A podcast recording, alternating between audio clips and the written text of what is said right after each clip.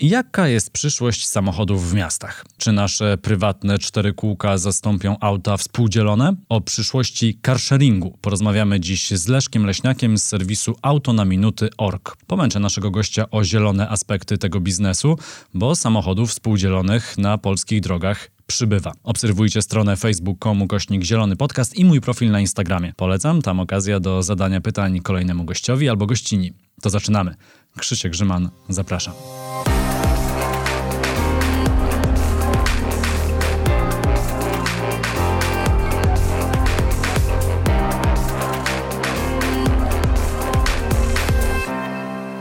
Gościem Zielonego Podcastu jest Leszek Leśniak z serwisu autonaminuty.org. Dzień dobry. Dzień dobry, witam Państwa. No to będzie długa rozmowa i wyczerpująca bardzo, to mogę z góry powiedzieć. Ale ty się znasz tak na carsharingu, że no myślę, że trudno będzie zadać wszystkie pytania dzisiaj, ale będę próbował przynajmniej. Ale może na sam początek musi paść to pytanie, czym jest carsharing i skąd się w ogóle wziął? Skąd się wzięła taka potrzeba, żeby dzielić się samochodami w miastach? Patrząc tak bardzo, bardzo historycznie, to yy, według annałów to pierwsze takie... Yy, przebłyski carsharingu to są lata 50. ubiegłego wieku. Konkretnie y, Szwajcaria, gdzie y, mieszkańcy spółdzielni mieszkaniowej zaczęli się zastanawiać, czy e, nie zrobić czegoś z faktem, że kilka samochodów mieszkańców stoi e, pod domem nieużywanych, a inni chcieliby z tego, z tego korzystać. No i e, według tej inicjatywy zaczęli po prostu wymieniać odpłatnie, nieodpłatnie, to, to zależało generalnie od konkretnego właściciela samochodu. Te konkretnie auta, które stały, stały na parkingu ku, ku, ku potrzebom całej, całej ogólnej społeczności. No i nie trzeba było czekać długo długo, żeby powstały pierwsze inicjatywy już takie typowo, typowo biznesowe. Pierwsza inicjatywa, jeżeli dobrze pamiętam, to były lata 70., konkretnie francuskie Montpellier, gdzie powstała usługa Procotip, e, oparta na, jeżeli dobrze pamiętam, chyba samochodach marki Simca.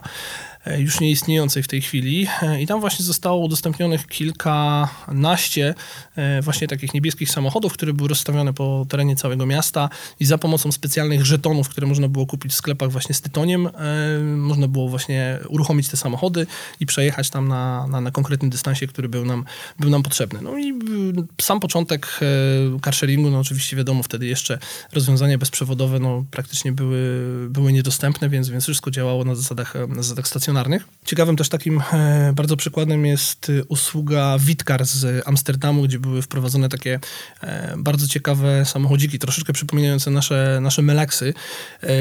Były to oczywiście samochody, samochody elektryczne, więc można powiedzieć, że już w latach 70. carsharing elektryczny w niektórych miejscach w Europie był, był dostępny. Co ciekawe, usługa Witkar działa do dzisiaj oczywiście już na samochodach zupełnie innych, nowoczesnych.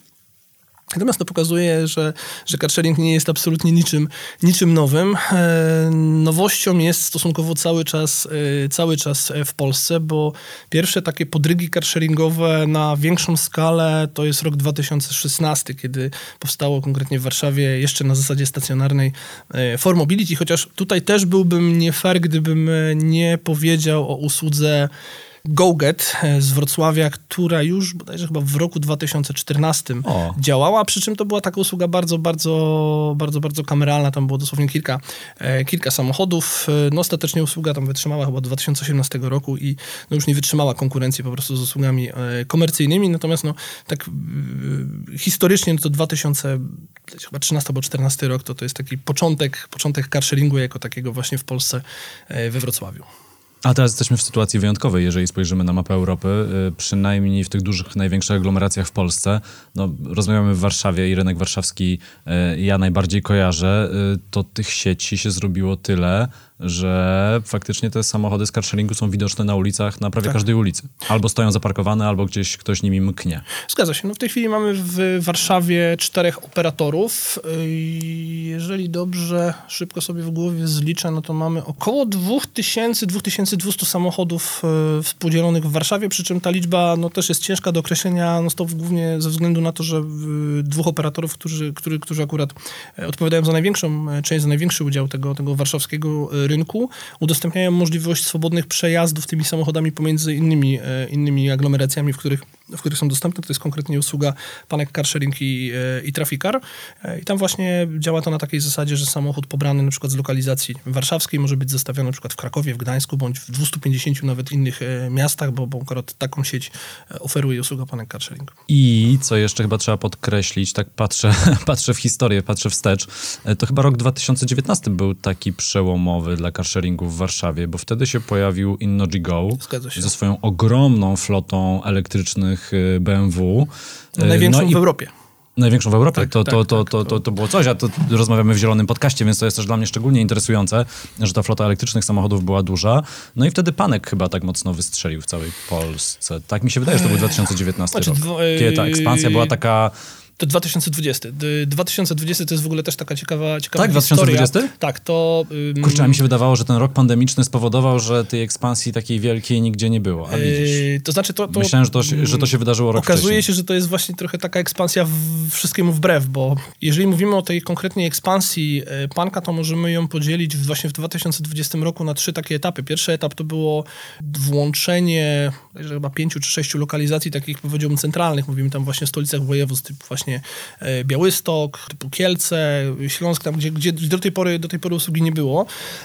To był właśnie sam początek pandemii. Natomiast najciekawszą właśnie z, z perspektywy tej, tej, tej rzeczywistości pandemicznej to była właśnie ekspansja wprowadzona chyba na jakoś na przełomie kwietnia i maja. I tam zostało wprowadzonych około 100 paru lokalizacji, gdzie e, carsharing był dostępny w każdym mieście powyżej 30 tysięcy mieszkańców. I co ciekawe, no, y, jak zresztą sami, sami operatorzy przyznawali, to nie działało na takiej zasadzie, że to był planowany krok od, od, od, od dłuższego czasu, tylko właśnie to była taka bardzo spontaniczna decyzja związana y, z faktem, że było coraz trudniej się przemieszczać Polakom właśnie w tym momencie, e, w tym momencie pandemicznym, bo jednak komunikacja publiczna trochę straciła na, na znaczeniu przede wszystkim na zaufaniu e, społeczeństwa, a w momencie, kiedy ktoś przykładowo z, z różnych powodów nie posiadał samochodu prywatnego, a potrzebował przejeżdżać pomiędzy lokalizacjami, no to wtedy taka usługa była jak znalazł. I tutaj zresztą właśnie to uważam, że to jest dobry moment, żeby móc powiedzieć o trochę takim e, naszym e, stylu carsharingowym polskim, ponieważ no, patrząc chociażby na Europę Zachodnią, tam jednak kolej odgrywa bardzo, bardzo ważną rolę od, od, od dłuższego czasu, gdzie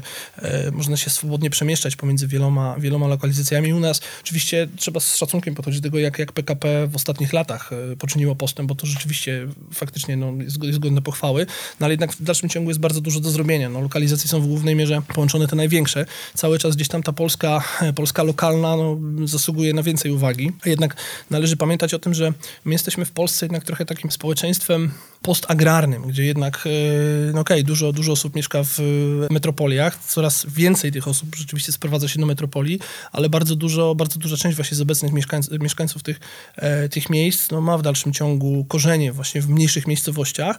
E, i tutaj jest, jest trochę taki, taki wyłom niejako z idei carsharingu, bo w ogóle od tego powinienem zacząć, czym jest carsharing. Carsharing jest ideą współdzielenia mobilności ku zmniejszeniu ilości e, samochodów zalegających na parkingach i ku zwiększeniu jakby utylizacji, czyli e, faktycznego użycia samochodów, bo...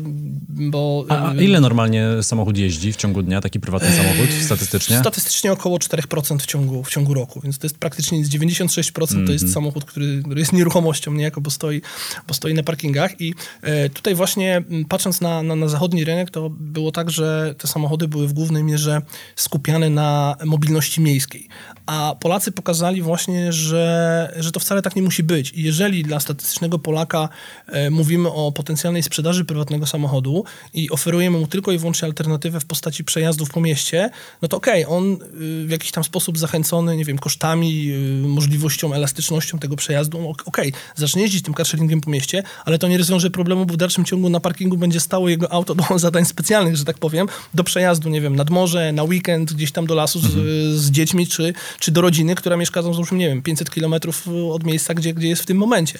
Dlatego właśnie em, efektem tego jest bardzo, duża, bardzo duży sukces wynajmów dobowych, które, które rzeczywiście w carsharingu są bardzo chętnie wykorzystywane. E, No to jest wszystko bardzo, bardzo ciekawe. I Gdybyśmy jeszcze mogli sięgnąć e, do historii. e, Ja pamiętam ze Stanów Zjednoczonych sprzed, e, no to musiało być z 10 lat temu, kilkanaście lat temu. Tam też były carsharingi. Jeden był, zdaje się, należał do Daimlera albo do BMW. Czy to było ich wspólne I, dziecko? ta, I tak, i tak, bo mm, to jest, zresztą to w przypadku... Czy to była usługa Car2Go? E, tak, Car2Go i Drive Now. To były dwie A, usługi. właśnie. Przy czym Drive Now jeszcze miał swoją, e, swoją własną taką odnogę y, amerykańską o nazwie Reach Now. Tam zresztą później się to pozmieniało. Ta usługa zaczęła się zajmować trochę innymi rodzajami mobilności, ale to zresztą nie pierwszy raz, kiedy, e, kiedy niemieccy konkurenci doszli do wniosku, że zamiast gdzieś tam konkurować, to trzeba się połączyć. E, I taki właśnie przykład ym, pokazuje nam, nam walka Daimlera, czyli popularnego Mercedesa i, i koncernu BMW, gdzie to było dwóch największych operatorów w pewnym momencie globalnie wręcz. E, No i stwierdzili, że dosyć już tej, tej, tej bratobójczej walki i się połączyli w usługę, którą w tej chwili nazywa się usługą ShareNow. Oni faktycznie e, działali w dosyć szeroko na rynku Ameryki Północnej, czyli konkretnie mm, kilka miast w Kanadzie i w Stanach Zjednoczonych. Tak, ja też, też z Kanady to pamiętam. E, Tak, i dotknęli też rynku, rynku chińskiego, no bardzo ambitnie. Do, trafili do praktycznie najszybciej rozwijającego się, rozwijającej się metropolii w tamtym e, rejonie, konkretnie miejscowości, miejscowości e, miasta. Chong- Chongqing, to jest bodajże chyba 20 parę milionów No e, mieszkańców powiedzieć, że i cały pewnie, czas pewnie, się, pewnie 20 tak, milionów się plus. rozwija. E, Natomiast y, ta usługa ostatecznie została zawieszona, y, podobnie jak właśnie usługa Car2Go i Drive Now i ostatecznie ShareNow na rynku Ameryki Północnej, ale to, to tutaj też COVID swoje niestety zrobił. No, władze obu, obu koncernów doszły do wniosku, że trzeba po prostu skupić się na rynku, na rynku europejskim, gdzie, gdzie, no, gdzie znają, na którym znają się po prostu najlepiej. Ja o tej historii trochę wracam, ale to dlatego, że byłem bardzo zaskoczony, kiedy carsharingi pojawiły się w Polsce i one zaczęły się tak, tak szybko rozwijać, bo gdy wchodziło w For Mobility, to, to były takie jednostkowe, tam ki, ki, kilkanaście pojazdów czy kilkadziesiąt pojazdów, to były naprawdę małe ilości. Jak sobie przypominałem, co się działo w Stanach Zjednoczonych i czytałem artykuły e, te kilka lat temu, że a, tutaj się zawijamy z tego miasta, bo niestety e, ten model biznesowy się nie sprawdza. Byłem bardzo zaskoczony, jak bardzo się to przyjęło w Polsce, w jakiej skali. Być może to jest też trochę premia za zapóźnienie rynku, że my wchodziliśmy późno, więc te technologie już były trochę inne niż e, kiedy wprowadzano je w Stanach Zjednoczonych. To wszystko mogło działać już zdalnie. E, W Car2Go zdaje się chodziło się potwierdzać prawo jazdy do stacjonarnego punktu. Zgadza się. E, Nie, nie robiło się tego tak jak teraz. Dzisiaj można założyć konto bankowe przez internet, tak? czy, czy z telefonu robiąc sobie e, selfie, więc technologia poszła bardzo, bardzo do przodu. Ale jestem zaskoczony, m, że w Polsce tak bardzo się to rozwinęło, tym bardziej, że jesteśmy trochę jednak rynkiem CCC, czyli cena czyni cuda. To nie jest żadnym zarzutem, po prostu no, PKB na to wskazuje, że nie mamy jeszcze takiego budżetu. I zastanawiam się, m, powstaje tyle tych usług, jednocześnie w zeszłym roku zamknęła się Wozilla, więc nie wszystkim się udaje. Czy to są biznesy, które na siebie zarabiają, albo w bliskiej perspektywie będą na siebie zarabiały? Skąd, y, bo z punktu widzenia klienta to świetnie, że, że, że te pojazdy się pojawiają, ale skąd takie zainteresowanie ze strony inwestorów i firm? Ponieważ raz, że e, polski rynek jest typowo rynkiem typu early adopters, gdzie bardzo chcemy wcześnie i bardzo chętnie podchodzić do, do, do różnego rodzaju nowinek technologicznych i zresztą to pokazuje przypadek e, carsharingu, gdzie my wbrew temu, że jesteśmy trochę pod postrzegani jako tacy konserwatyści, to jednak bardzo chętnie wykorzystujemy różnego rodzaju rozwiązania. No ale tutaj za takim powiedziałbym mm, e, kwestią kluczową jest to, że e, według różnego rodzaju statystyk na polski samochód to jest średnio 13-letnie auto, najlepiej w dieslu. Tam różne, różne chodzą historie, chociażby w filtrach, DPF-ach i tak dalej. E, No ale mimo wszystko w carsharing wchodząc do, do najpierw największych metropolii, później do mniejszych miast, pokazał, że kurczę, no, można od ręki wynająć za pomocą telefonu nowy samochód. A no, trzeba też powiedzieć wprost, dla wielu Polaków staniecie twarzą w twarz z nowym samochodem, kiedy siadamy za kierownicą nowego, pachnącego nowością samochodu z zerowym praktycznie przebiegiem, no, do, do, do jeszcze niedawna to była absolutna abstrakcja. A dzięki carsharingowi e, no, takie coś jest dostępne praktycznie, praktycznie od ręki. I, dla wielu klientów na samym początku to było podejście takie, no dobrze, przejadę się nowym samochodem, zobaczę jak to jest. I później stwierdzili, że to jednak jest całkiem opłacalne, całkiem wygodne. Te samochody są pod ręką, więc dlaczego nie korzystać z tego częściej?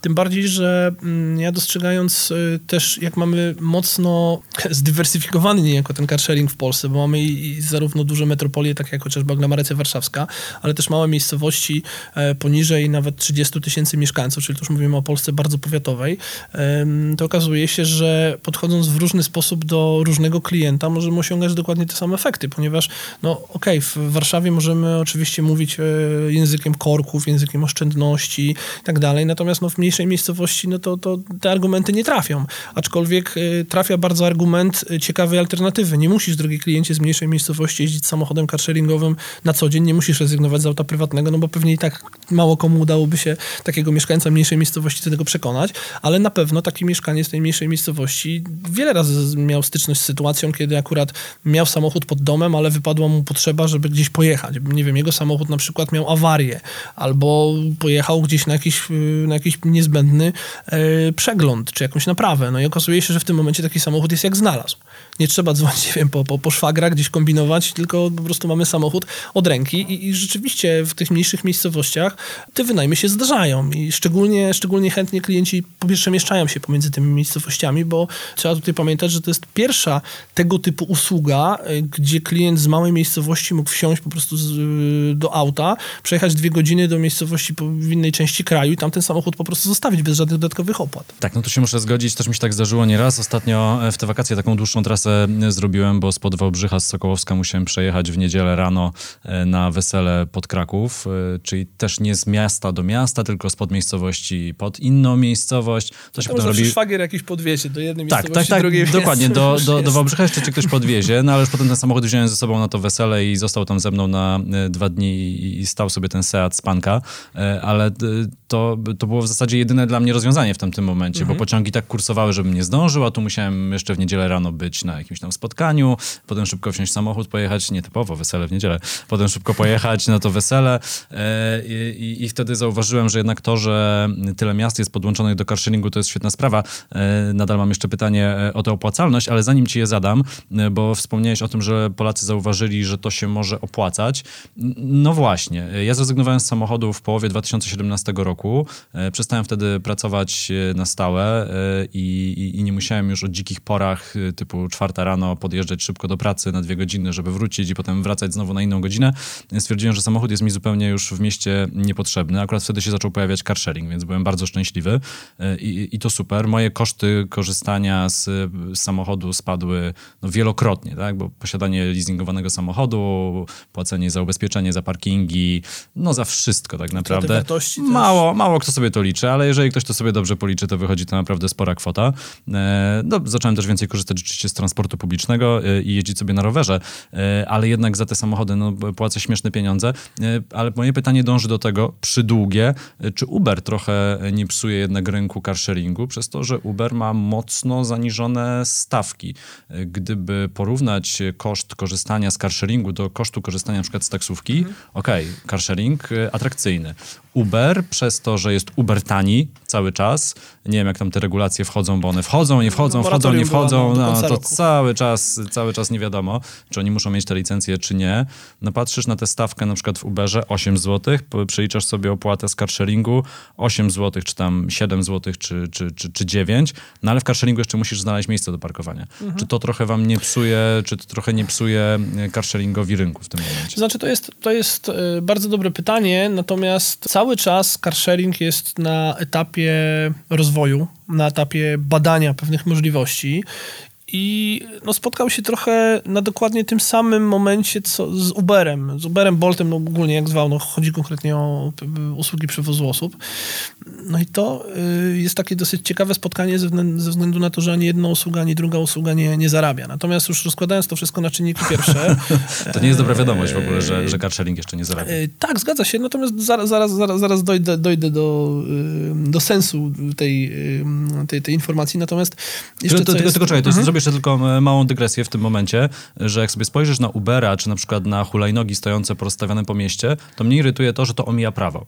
A jak mhm. patrzysz sobie na carsharing, to jest totalnie zgodne z prawem. Mhm. I to mi się podoba. I to mnie irytuje w tamtych startupach, że przychodzą duże startupy z dużym kapitałem i mówią, macie te swoje przepisy, my je ominiemy, a później się zmieni przepisy. To, to, to, to, jest tylko jedna rzecz z irytujących. Tam jest irytujących rzeczy znacznie więcej. No kwestie podatkowe. Tak, natomiast bardzo, bardzo takim mm, ciekawym tematem e, jest chociażby to, że jeżeli ktoś, nie wiem, ma żyłkę ekonomisty i analityka, no to sobie porówna usługę e, przewozu osób i usługę carsharingu. No jak sobie to wszystko rozłoży na czynniki pierwsze, no to z której strony by nie patrzył, no to potencjalnie większą pochłanialność kosztów ma y, usługa przewozu osób, no bo mamy samochód, ubezpieczenie, utrzymanie tego samochodu, mycie i tak dalej, i tak dalej, plus kierowca.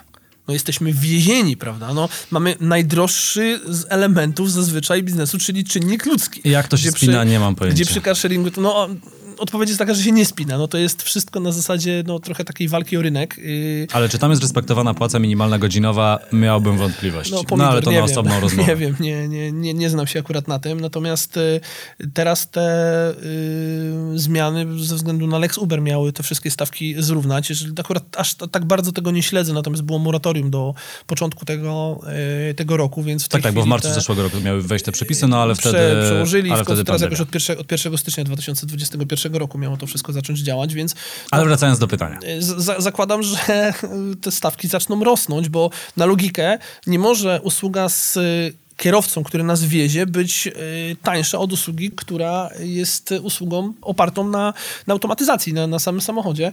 Natomiast jeśli chodzi właśnie o kwestię tego pytania, czy carsharing na siebie zarabia, no patrząc na, na, na, na księgi gdzieś tam y, różnych operatorów, no to widać, że to jeszcze na siebie nie zarabia. Natomiast y, tutaj od samego początku inwestycja była założona na, na x lat, przy czym mm, już powoli, powoli zaczyna delikatnie się wynurzać, ale to jest też trochę, mm, tak może obrazowo o, tym powiem, operatorzy y, oferując usługę y, carsharingu wiedzieli, że są pod wodą, ale w momencie, kiedy zaczęli no, poprzez, poprzez większe zainteresowanie tą usługą, e, zaczęli delikatnie podnosić się w kierunku, w kierunku powierzchni, to stwierdzili, okej, dobra, jesteśmy na dobrym kursie, więc inwestujemy i nurkujemy głębiej, prawda? Dodając nowe samochody, dodając nowego rodzaju funkcjonalności do usługi, więc y, no, kurs jest taki i wszelkiego rodzaju wskaźniki pokazują, że ten, ten biznes zacznie, zacznie zarabiać wkrótce, aczkolwiek tutaj też bardzo, bardzo ważne i nie bez znaczenia jest e, wsparcie mm, chociażby samorządów, czy to miejskich, czy to, e, czy to, e, czy to krajowych. I tutaj właśnie to jest taki bardzo, bardzo dobry moment ze względu na to, że nie dalej jak wczoraj, przedwczoraj były e, konsultacje z Ministerstwem e, Środowiska i Klimatu właśnie w zakresie, w zakresie poprawek do ustawy o elektromobilności. Tutaj pewnie O, szczególnie będziesz zainteresowany Tutaj tematem. ja bo mam pewne wątpliwości do niektórych aspektów tej ustawy, ale do tego przejdziemy za chwilę. Yy, Tak, i właśnie tutaj, mm, to nie wiem, no, może już wejdziemy, bo akurat już miałem, miałem pomysł, po- pomysł o, o, o tym, co powiedzieć właśnie w, Dobra, zakresie to- tej, tej ustawy, bo e, w tej ustawie... Albo to, to, to poczekaj, jeszcze, bo powiedziałeś tylko y, jeszcze jedną rzecz, żeby już potem tak nie wracać, Jasne, nie wracać, nie wracać, nie wracać, Okej. a ten temat jest dla mnie szalenie interesujący.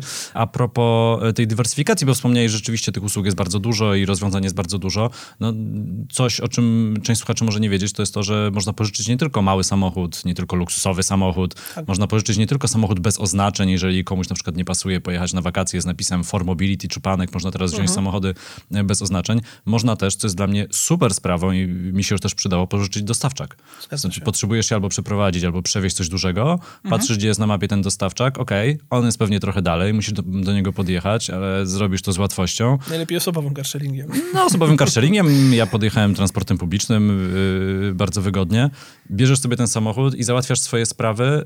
Naprawdę bardzo, bardzo, bardzo wygodna rzecz. No ale przechodząc... I jeszcze zanim przejdziemy, to jeszcze A. się do tego odniosę, bo to, bo to jest w ogóle dotknąłeś bardzo, bardzo fajnej rzeczy. Ja wiem, że samochód prywatny to jest trochę takie sakrum, No, szczególnie w Polsce.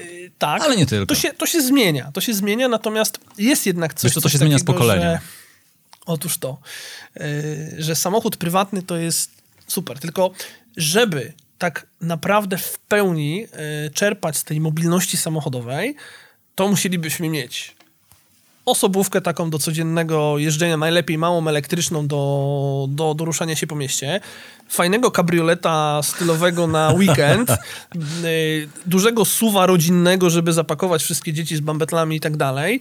Y, Jeżeli mamy, nie wiem, domek gdzieś letniskowy, to dobrze mieć pick-upa, do którego gdzieś wrzucimy na pakę drzewo do, do kominka czy coś i nagle się okazuje, że musimy mieć cały garaż, nie? A raczej lista miliarderów na liście wprost jest ograniczona, prawda? Więc, y, więc okej, no mamy prywatny samochód, ale on jest zawsze taki sam. Znaczy, okej, oczywiście możemy go zmieniać co rok i tak dalej, no ale to zawsze, zawsze jest to związane z jakimiś tam pewnymi perturbacjami, a korzystając z carsharingu, no mamy dostęp do bardzo różnych samochodów, tym bardziej, że usługodawcy polscy no, zadbali o to, żeby, żeby ta różnorodność była naprawdę bardzo duża. I co jest jeszcze też bardzo ciekawe, e, no praktycznie nie skupili się operatorzy na takich naprawdę absolutnie teraz jakby to dobrze określić, takich outletowych samochodach, które y, gdzieś tam są z absolutnie e, samego początku cenników, prawda? No, mamy bardzo, bardzo ciekawą e, flotę samochodów w carsharingu, też bardzo często samochody marek, premium, prawda? Ale ja akurat z Panka bardzo lubię tę Jariskę w, w hybrydzie. Bardzo mi się podoba, że to jest przede wszystkim hybryda, chociaż rzeczywiście elektryk zawsze na propsie. Znaczy, mamy, no, społeczeństwo jest bardzo różnorodne i y, ktoś, kto na przykład boi się y, skrzyni automatycznych, może jeździć trafikarem, który, który ma, też te, te, te kliówki są naprawdę bardzo, bardzo przyjemnymi samochodami. No jeżeli ktoś lubi, nie wiem, niemiecką motoryzację, to może na przykład korzystać z y, usług, usługi for mobility, gdzie jeździ samochodami Audi. No. Są Japończyki, są, e, są samochody niemieckie, są e, Mercedesy, Są BMW elektryczne. No oczywiście naprawdę mamy tutaj bardzo, bardzo szeroki wachlarz różnego rodzaju, różnego rodzaju samochodów, które są praktycznie na, na wyciągnięcie ręki. I po tym krótkim wstępie w tym podcaście, gdzie wypowiedzieliśmy parę słów dosłownie o carsharingu, chciałem przejść do tego zielonego aspektu, bo to, co mi się najbardziej podoba w idei e, carsharingu, to jest przede wszystkim to, że w miastach jest mniej samochodów, a przynajmniej docelowo mogłoby być mniej samochodów. No Bo czy teraz jest, to nie wiem, czy są już takie badania. Trochę jest, co prawda nieco pandemia to zakrzywiła ze względu na to, że no, o, tym, o tym też trzeba powiedzieć. Bardzo dużo studentów, którzy no, jakby nie patrzeć, szczególnie w tych dużych miejscowościach, przyjeżdżali na, na, na, na, na rok akademicki. No, w tej chwili bardzo dużo z nich y, po prostu zamiast wyjeżdżać do dużego miasta siedzi w domu no i pracuje Uczy zdalnie, zdalnie. prawda? Natomiast jeszcze w momencie, kiedy, kiedy nie było pandemii, kiedy, kiedy carsharing się coraz mocniej rozwijał, to z perspektywy takiego studenta, który przyjeżdżał do większego miasta, bardzo często przyjeżdżał swoim prywatnym samochodem. I zresztą wystarczy podjechać na, na jakąkolwiek dzielnicę, gdzie, gdzie akurat dużo studentów mieszka, żeby zobaczyć na parkingi. No, tam jest praktycznie pełen wachlarz różnego rodzaju wyznaczników tablic rejestracyjnych, co wskazuje, że te samochody poprzyjeżdżały z całej Polski praktycznie i co najważniejsze, one zazwyczaj się nie przemieszczają, one po prostu stoją tam, bo taki student przyjeżdża i nagle odkrywa, że kurczę, no jest carsharing, jest komunikacja publiczna, no to po co ja będę się gdzieś tam pchał tym moim samochodem, jeszcze nie I wiem... jeszcze no, płacił 3 czy 4 e, zł za godzinę dokładnie parkowania. tak, no i efekt mamy, to czy mieliśmy taki, że te samochody po prostu tam stały, a w momencie, kiedy jest możliwość przemieszczania się pomiędzy miastami, no to po co ja mam jako ten student yy, trzymać ten samochód w Warszawie, czy w Krakowie, czy gdzie, gdziekolwiek indziej, co więcej, po co mam w ogóle go trzymać, skoro i tak z niego nie korzystam, a trzeba płacić ubezpieczenie, trzeba gdzieś tam no, yy, jakieś paliwo do tego samochodu wlać, jakiś serwis, no i to zaczyna się, yy, zaczyna się coraz mocniej rozwijać, tym bardziej, że do Polaków dociera yy, coraz bardziej to, że warto yy, zwracać uwagę na takie trzy magiczne literki TCO, czyli Total Cost of Ownership, czyli pełne koszta, koszta posiadania, bo to nie jest tak, że my kupujemy samochód za załóżmy 20 tysięcy i to jest nasz koszt. Nie, to jest dopiero początek. To jest, To jest skarbonka. Zgadza się, więc, więc y, sprawdzając te TCO nagle się okazuje, że kurde, to nie jest 20 tysięcy, to jest znacznie, znacznie więcej. Mhm. Są koszty, których można było tak naprawdę uniknąć i, nie wiem, pojechać sobie na fajne wakacje za te pieniądze. I wracając do tego mojego zielonego e, wstępu do zielonej części rozmowy, e, faktycznie są te e, samochody, może być tych samochodów mniej w centrach. Samochody w carsharingu to są zwykle pojazdy nowe, czy do trzech lat? Nie wiem, jak długo jeżdżą samochody w No w tej takich usługach. już nawet chyba nie znajdziemy samochodu trzyletniego. Zazwyczaj no, taki żywot samochodu carsharingowego mniej więcej 18-24 miesiące. Okej. Czasami nawet krócej, bo to też, też zależy od kontraktów. Chociaż z drugiej strony mogłyby też jeździć trochę dłużej. Ja bym się tam nie obraził, żeby nie produkować ciągle nowych samochodów, ale to już zupełnie na boku. Więc są to samochody nowe, więc spełniają wyższe normy emisji, e, więc lepiej dla nas mieszkających w miastach, gdzie część smogu, duża część smogu pochodzi z transportu, lepiej, że te samochody są nowsze. E, No ale właśnie, i to jest dla mnie największy potencjał, ponieważ to są samochody posiadane w dużych flotach przez duże firmy, to gdyby to wszystko zelektryfikować w miastach, no to byłaby bajka. Będziemy mieli za niedługo sporą część już e, autobusów elektrycznych w Warszawie, te, które jeżdżą przez na przykład Trakt Królewski, to są praktycznie wszystkie pojazdy z zielonymi tablicami i gdyby tak wszystkie carsharingi poszły śladem BMW, no to byłoby cudownie. Oczywiście, gdy opowiedziałeś o tym, że e, część biznesu to są przejazdy między miastami, to tu pojawia się problem, bo Jasne. ja sobie latem, gdy opowiadałem tę historię o przejeżdżaniu spod Wałbrzycha pod Kraków, myślałem, że może zrobię w ogóle całą trasę inaczej, że z Warszawy pojadę już tam pod Wałbrzych elektrykiem, wypożyczę go sobie z Formobility, można to zrobić na 5 dni, na tydzień, e, są różne opcje, ale gdy okazało się, że tankowanie w cudzysłowie, czyli ładowanie tego samochodu na trasie, to będzie po pierwsze uciążliwe, a po drugie bardzo niepewne, bo masz odcinki do przejechania, na przykład 200 czy tam 250 kilometrów, gdzie za te 200 kilometrów może być ładowarka, ale nie masz żadnej pewności, czy ona będzie działała.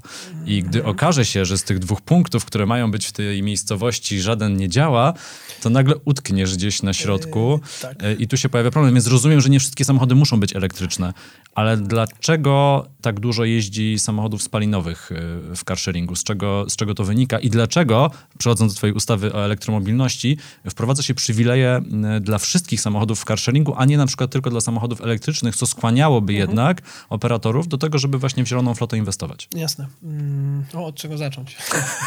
znaczy, zacznę może... To, zacznę to, może, moja specyfika, może... że zadaję zada pytanie Nie, przez 4 spokojnie. minuty, a później nie wiadomo na, na nie, którą dałeś, część nie dałeś odpowiedzieć. kartki, no. Żebyśmy nie mogę sobie to zapisywać, ale będę improwizował. Natomiast zacznę może trochę nie do końca tak, jak się spodziewasz, bo wspomnę jeszcze na chwilę o tym twoim Wałbrzychu, o tej wycieczce samochodem elektrycznym, gdzie tak jakoś utarło się, że samochód zawsze był utożsamiany z tym takim synonimem wolności. I teraz trochę skonfrontuj kwestię tej wolności z, e, z samochodem, co do którego nigdy nie wiesz, co się za chwilę wydarzy, nie? Że okej, y, skończy się zasięg i gdzie ja go naładuję. I tutaj pytanie, czy, czy mamy w tym momencie jakąś wolność. Oczywiście przechodząc niejako płynnie do kwestii e, tego, tych samochodów elektrycznych w carsharingu, to, to się wydarzy. To się wydarzy i samochody elektryczne będą, e, zresztą już są, ale będą e, działać w carsharingu, będą praktycznie wyłączną niejako e, możliwością, jeśli chodzi o, kwestię napędu i kwestię silnika w, w carsharingu. To się wydarzy bliżej niż dalej. Co więcej, e, carsharing też trzeba pamiętać że to nie jest forma docelowa. To jest tylko i wyłącznie etap przejściowy, pomiędzy samochodem prywatnym a samochodem autonomicznym. Ja osobiście jako, jako bardzo duży fan motoryzacji e, trochę ubolewam, e, ale pewnie będzie mi dane dożyć do tego momentu, kiedy po prostu ustawą za, zakażą mi jeździć i każą mi schować po prostu moje prawo jazdy gdzieś tam głęboko do szuflady. No nie wiem, czy w Polsce się to wydarzy bardzo szybko, no ale celowałbym w kraje skandynawskie i kraje nordyckie, gdzie pewnie to się wydarzy za jakiś e, czas, bo okaże się, że, yy, znaczy okaże się, to jest już potwierdzone, że najbardziej zawodną częścią samochodu jest kierowca.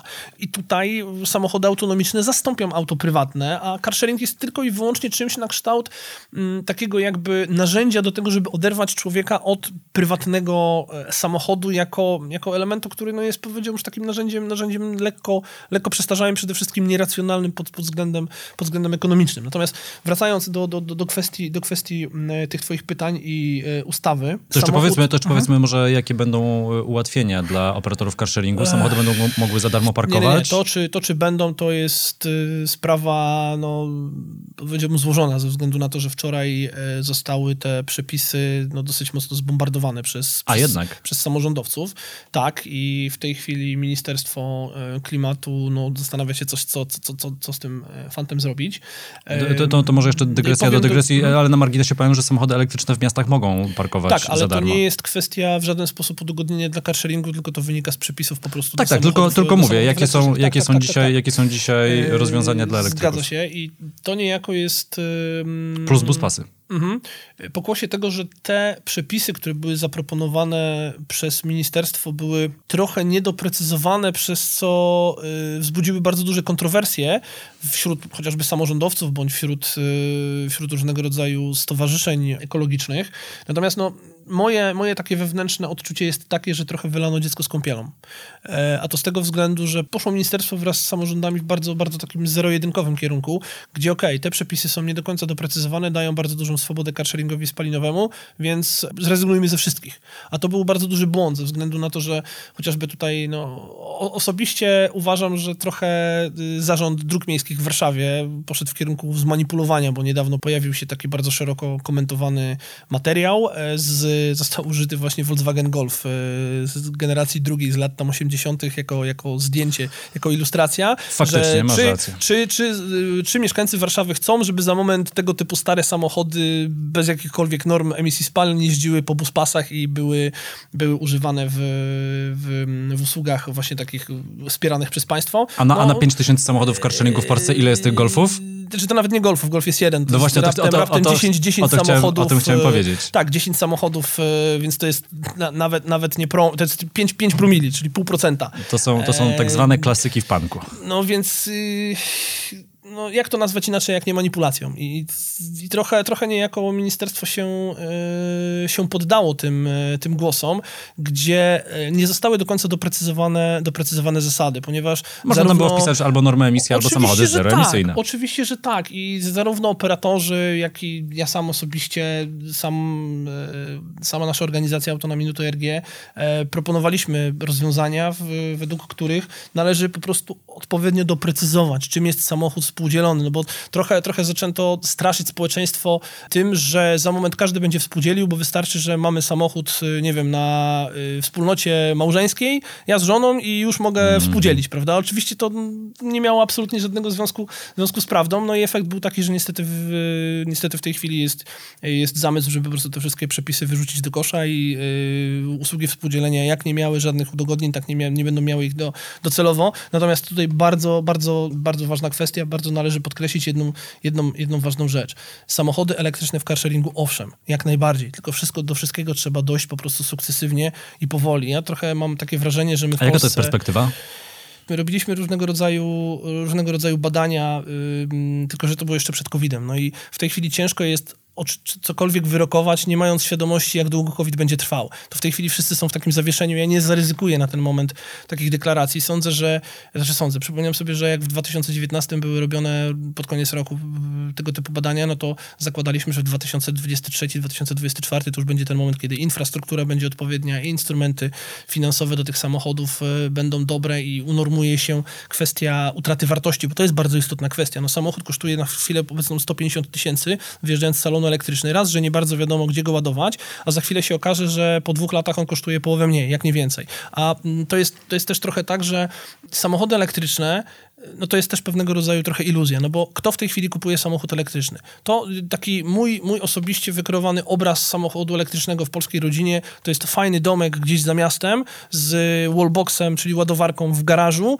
i drugi albo trzeci samochód w rodzinie do tego, żeby gdzieś tam pokulać się po prostu po mieście. Mam 100 km, 120 zasięgu, załaduję sobie w nocy, pojadę, załatwię sprawę i wrócę. No to nie jest samochód dla osoby, która yy, mieszka w mieście, tym bardziej, że jest bardzo wiele jeszcze barier, które, które należy przeskoczyć. Oczywiście wiadomo, że chociażby też, też ta obecna nowelizacja ustawy zakłada, że chociażby y, dostęp do tych słupków, możliwość budowania tych słupków ele ele elektrycznych y, jest bardzo ważna i będzie wspierana. I oczywiście to jest, to jest bardzo ważna kwestia do tego, żeby car sharing też był yy, jako złożony z samochodów elektrycznych, ale dopiero za jakiś czas. I ja cały czas odnoszę wrażenie, że my chcemy, zresztą to jest domena Polski i Polaków jako bardzo ambitnego narodu, chcielibyśmy od razu mieć wszystko. Tylko, że tak obrazowo mówiąc, to jest trochę tak, byśmy chcieli od razu wskoczyć z parteru na dziesiąte piętro, zamiast pójść schodami. I właśnie przepisy y, wspomagające oczywiście na, na odpowiednich zasadach, tak, tak sam, sam wspomniałem, niech to będzie jakaś kwestia normy spalin, niech to będą samochody tylko z normą e, emisji spalin Euro 6. I teraz pytanie, czy takie Clio na przykład z Trafikara, które jest samochodem fabrycznie nowym, ma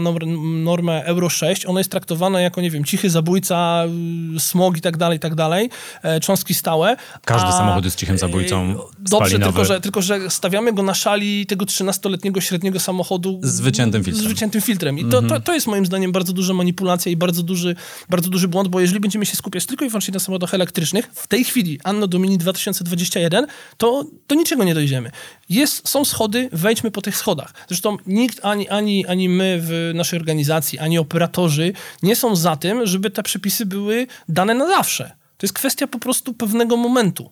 Zresztą tak samo jak te bus, buspasy w tej chwili dla samochodów elektrycznych, też mówi się o tym, że one mają być tylko i wyłącznie na moment, żeby rozbujać, mówiąc kolokwialnie, ten rynek elektromobilności, a jak tych samochodów będzie odpowiednio dużo, zmniejszy się emisja, no to wtedy zabierzemy te, te, te, te udogodnienia. Powiedziałeś o schodach, po których y, trzeba wejść, a w tym momencie jest ściana, jeżeli chodzi o przepisy i wspieranie carsharingu? Mm, znaczy ściana ściana, nie ma po prostu nic, jest pustka, ponieważ nie ma żadnych przepisów, które Ale mówię o tej, ale mówię, ale mówię o tej ustawie elektromobilności, która coś miała zmienić. E, tak, miała zmienić, miała... No ale zmieni czy nie e, zmieni?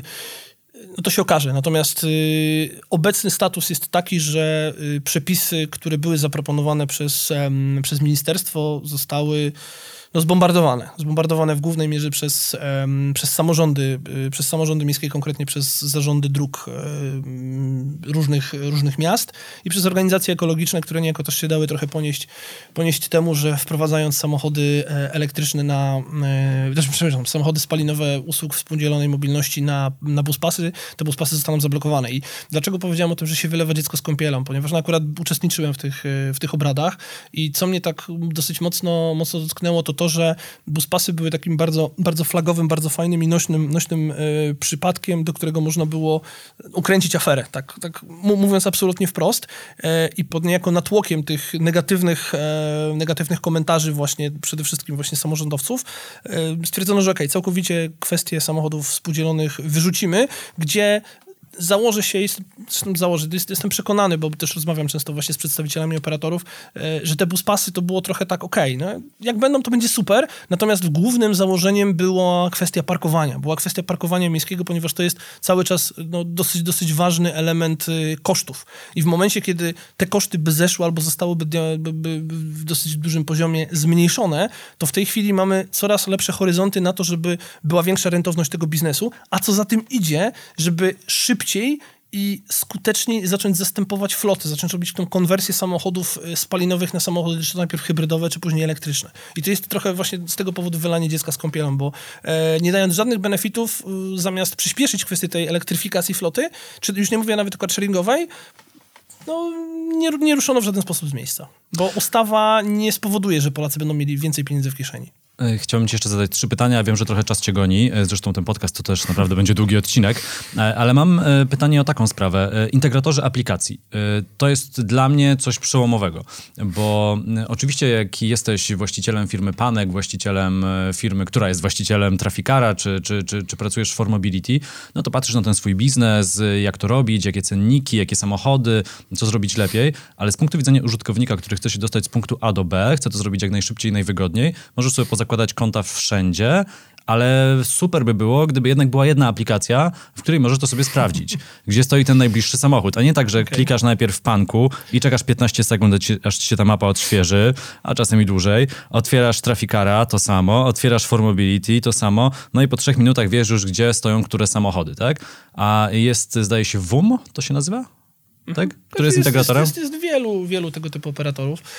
No, moim zdaniem z punktu widzenia użytkownika to jest pewien element przyszłości y, tej to, to, to. usługi, że traktujesz po prostu samochód jako sposób przemieszczania mhm. się. Jest ci obojętne, którym pojedziesz aktualnie. Jasne. To jest e, temat rzeka. Temat rzeka naprawdę, ale odpowiem tak yy, to, to, to przykładem. Powiedz, przykładem, przykładem. Przykładem. Po, do, bardzo, bardzo ciekawym powiedziałbym, szczególnie z perspektywy właśnie współdzielnej mobilności. Największym carsharingiem w tej chwili na świecie jest usługa Yandex Drive. Mhm. To są Rosjanie. Usługa, która jest obecna w czterech metropoliach rosyjskich.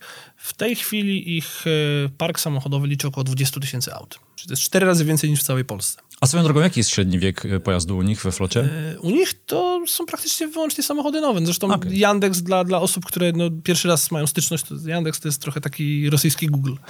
Jest potężna, potężny koncern, powiedziałbym, właśnie taki technologiczno-informatyczny. No, I Dlaczego właśnie o nim wspominam? Jaka jest bardzo taka krótka, szybka i dynamiczna historia Yandex Drive'u? To to, że Yandex w pewnym momencie wpadł na pomysł, że tak fajnie się rozwija carsharing e, w Rosji, tak fajnie rozwija się carsharing w Europie, więc stwórzmy agregator. I zaczęli proponować swoje usługi różnego rodzaju operatorom, czy to rosyjskim, czy nie tylko rosyjskim. Zauważyli bardzo duży opór, więc stwierdzili, kurczę, dobrze, no to skoro oni chcą współpracować, to my zróbmy carsharing. No, zrobili to z bardzo dużym rozmachem. E, no i z, oni zaczynają w tej chwili trochę dyktować warunki. Natomiast odniosę się teraz do, do, do, tego, dlaczego, dlaczego w Polsce... No właśnie, dlaczego w Polsce to idzie topornie? Bo ja mam tego WUMA i tam nie ma wszystkich już operatorów. Mówię, już mówię, z czego to wynika. To jest trochę, to jest trochę kwestia mm, takiej jakby taktyki i nauki, nauki na własnych błędach. To jest być może trochę zaskakujące, ale koncerny, firmy, które zdecydowały się za, zainwestować w carsharing, to są rzadko kiedy startupy. Zazwyczaj to są firmy albo koncerny motoryzacyjne. To trochę może się wydać kontrowersyjne, że zróbmy carsharing zamiast sprzedawać x milionów samochodów. No, wydawałoby się, że to jest szalone, prawda? Ale traktujesz samochód jako usługę po prostu. Tak, właśnie, dokładnie. Chodzi o tego tak zwanego magicznego masa, czyli mobility as a service. E, I no, ludzie w koncernach e, motoryzacyjnych rozumieją to, że taka jest przyszłość, dlatego idą w tym kierunku. A drugim takim bardzo, bardzo dynamicznym rynkiem to jest właśnie rynek e, rentakarowy, czyli wynajmu samochodów takiego tradycyjnego. I tutaj jest też tak w Polsce, że część y, no, dwóch największych operatorów, zresztą Trafikar i Panek Carsharing, to są właśnie firmy, które wywodzą się z tradycyjnego wynajmu. I nie jest tajemnicą, że rynek e, tradycyjnego wynajmu bardzo mocno gdzieś tam ucierpiał po wprowadzeniu różnego rodzaju brokerów turystycznych, e, wyszukiwarek, gdzie no, niejako zostali trochę przymuszeni. To jest trochę taki A case... ubiegły rok to w ogóle musiał być tragiczny, jak e, patrzyłem, tak, ale co się działo w Stanach. To jest, to, jest sprawa, sprawa dawno, dawno głębsza. To jest trochę taki powszechny case bookingu, gdzie są hotele, które budują pojawiają się tylko i wyłącznie po to, żeby sprzedawać je całkowicie na bookingu, ale było dużo sieci hotelowych, które no, gdzieś tam zbudowały swoją własną markę i stwierdziły, że kurczę, no ale oni nie chcą sprzedawać się gdzieś tam za darmo, a trochę booking swoją agresywną, e, agresywną polityką trochę ich do tego wymusił, no bo w tej chwili chcemy hotel, chcesz hotel, myślisz booking, prawda? Mhm. I e, w rynku tradycyjnego wynajmu też zaczęło to iść właśnie w tym kierunku, że nie było dla klienta ważne, czy jedzie samochodem, nie wiem, firmy X, firmy Y, firmy Z, tylko on wiedział, że jedzie po prostu z brokerem V na przykład, prawda? I no, to było... No, Tro, trochę operatorzy y, rentakarowi zostali zepchnięci na trochę taki margines bycia takim jakby e, dostawcą usługi bez własnej tożsamości. I e, to jest też trochę, trochę, trochę ci agregatorzy są w pewien sposób traktowani jako taki wilk w owczej skórze, gdzie hmm. my będziemy tutaj agregować, będą usługi dostępne, tylko że zawsze gdzieś tam za, za rogiem czai się tak zwana głęboka integracja, gdzie właśnie to, co powiedziałeś, za pomocą jednej aplikacji wszystkie usługi będą po prostu na klik, że nie trzeba będzie mieć 10 aplikacji tylko. I tutaj problem trochę wynika z tego, że agregator jest swego rodzaju trochę takim lejkiem gdzie wlewamy bardzo dużo różnego rodzaju, lejkiem z młynkiem powiedziałbym, bo wrzucamy... wrzucamy Wiesz, ale musimy przyspieszyć, tak, mamy tak, bardzo tak, mało oczywiście. czasu, jeszcze dwa pytania. Wrzucamy, wrzucamy bardzo dużo do, do jednego miejsca, no i w efekcie mamy mamy jedną bardzo taką wąską usługę, gdzie wszystko musi być według pewnego, pewnego schematu, a usługodawcy właśnie dążą do tego, żeby ubogacać swoją usługę, żeby być w czymś lepsi od konkurencji. To jest główny element, dla którego ci agregatorzy no, mają nie po drodze do końca z y, usługodawcami. E, co z usługą carsharingu samochodów prywatnych? Zdaje się, że Czesi, Happy Go to się nazywa? Hoppy Go. Hoppy Go, przepraszam. Tak. To należy do Skody częściowo? Tak. E, chcą wejść na polski rynek. Nawet się tam zarejestrowałem na stronie, dostaję jakieś newslettery no po czesku. Od roku chyba. no tak, ty, tak. to tak. Tam, Zresztą COVID też zrobił swoje. No na pewno, na pewno. E, czy to nie jest pewne zagrożenie e, dla rynku carsharingu, czy to jest inny segment nie, rynku to carsharingu? Nie jest, to nie jest zagrożenie, Czy znaczy, bo... powiedzmy, jak, jak to działa? Jesteś właścicielem mhm. prywatnego samochodu i tak. nie korzystasz z niego, bo 96% czasu tak. stoi na parkingu, mhm. więc możesz go komuś wypożyczyć, a jest aplikacja, która tak. zajmuje się i ubezpieczeniem tego, i płatnościami, i wszystkim. No, wracając do samego początku naszej rozmowy, to mówiłem właśnie o tym, że od tego się zrodził carsharing i zresztą bardzo często jest tak, że ci bardzo radykalni gdzieś tam obserwatorzy rynku mówią, że to, co w tej chwili pro, proponują operatorzy w Polsce, to nie jest carsharing, to jest wynajem samochodów bezobsługowy. Carsharingiem jest właśnie sharing, czyli udostępnianie samochodów społeczności. To właśnie szwajcarska spółdzielnia mieszkaniowa, o której mówiłem na początku, no to był właśnie taki klasyczny carsharing. To się w tej chwili nazywa mm, fachowo jako carsharing peer-to-peer, czyli pomiędzy jednym użytkownikiem a drugim.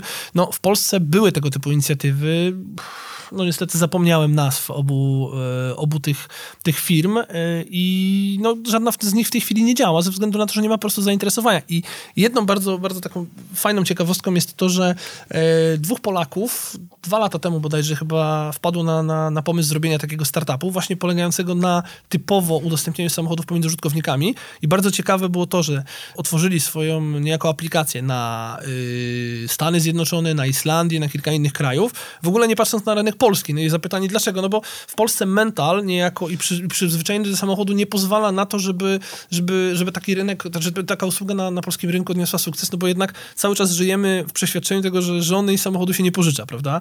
No to jest bardzo mocno gdzieś tam zakorzenione w naszej, e, w naszej no, mentalności, aczkolwiek no, to się trochę zmienia, przy czym bardzo ważne jest to, jak rynek zostanie zagospodarowany na samym początku. I dla Polaka w tej chwili, poza oczywiście tymi radykałami, które powiedziałem na początku, carsharing to są w tej chwili usługi w aplikacji, gdzie mogę sobie podejść i nic mnie nie interesuje. A jednak udostępnianie samochodu w tej takiej klasycznej usłudze peer-to-peer to jest jednak trochę wypożyczalnia, bo musimy podejść na miejsce, musimy spisać jakiś dokument. No, mm, oczywiście są też usługi peer-to-peer, gdzie, które są mocniej zintegrowane, tylko wtedy trzeba zainstalować telematykę do swojego samochodu. Ten samochód tak na dobrą sprawę nie wiemy, kto, kto do niego wsiada, więc to jest no, bardzo, ale to bardzo złożona kwestia. Tak, no ja peer-to-peer czasem z moimi znajomymi uprawiam, jak potrzebuję pożyczyć samochód, żeby gdzieś dojechać, to po prostu podjeżdżam do nich i e, wiesz, za, za butelkę wina. I, I ostatnie pytanie, e, ale bardzo ważne e, wypadki. Co to za fala wypadków w polskim carsharingu? I jak oglądam sobie e, media społecznościowe, to widzę to co chwilę jakiś rozbity samochód. A tu Porsche, a tu Yaris, a tu coś tam. I tyle się tego wydarzyło w ostatnim czasie. To jest y, kwestia tego, że usługa rośnie, kwestia tego, że jest zima i kierowcy sobie średnio radzą, kwestia jakiegoś modelu cennikowego, że ludzie się spieszą, bo się boją, że dużo zapłacą, więc jadą za szybko i później doprowadzają do wypadku. Skąd się bierze ta skala mm. wypadków? Czy może ta skala wypadków wcale nie jest taka duża, tylko wydaje się, że jest, no Jasne. no bo przeglądamy te media społecznościowe. E, jest, znaczy nie, nie ma tutaj na to jednej dobrej odpowiedzi, natomiast na pewno, na pewno te elementy, które, które wymieniłeś też mają oczywiście swój udział. Y, zacząłbym od tego, że carsharing staje się coraz, coraz to popularniejszy, coraz bardziej medialny, e, coraz bardziej chwytliwy z perspektywy mediów. No media też podchwyciły, że rodzą się coraz większe społeczności i to się klika. Więc no ja pamiętam te momenty, kiedy były pierwsze mm, gdzieś tam wypadki, to bardzo często było tak, że w ogóle y, logotypy na zdjęciach były blurowane, w ogóle nie było widać, co to jest. W tej chwili nikt już się zupełnie z tym nie, nie kryje. Widać, że to jest wręcz nawet taki wyznacznik, że nie, nie będziemy zakrywać tych logotypów, niech widzą, że to po prostu kolejny samochód z carsharingu się rozbił. E, kolejna kwestia to jest to, że usługi rosną. Jest coraz więcej samochodów, jest coraz więcej wynajmów, coraz większa jest ta utylizacja, ta mm, kaloryczność tych wynajmów, gdzie mamy większy udział tego samochodu. To już nie jest 96% stania na parkingu, to jest znacznie mniejszy udział, więc samochody no siłą rzeczy, będąc w ruchu, no mają większą szansę na to, że gdzieś tam zostaną w jakiś sposób rozbite. Natomiast też trzeba pamiętać o tym, że, że w tych doniesieniach medialnych no one są takie bardzo zero-jedynkowe. No samochód się rozbił, no ale różnie bywa. No. Czasami to jest wina kierowcy carsharingu, czasami to jest wina osoby trzeciej, no ale no po prostu w pewien sposób to się klika. Jeszcze wspomniałeś o modelu cennikowym. No, operatorzy niemalże od samego początku, szczególnie w Polsce, eksperymentują z różnego rodzaju modelami cennikowymi.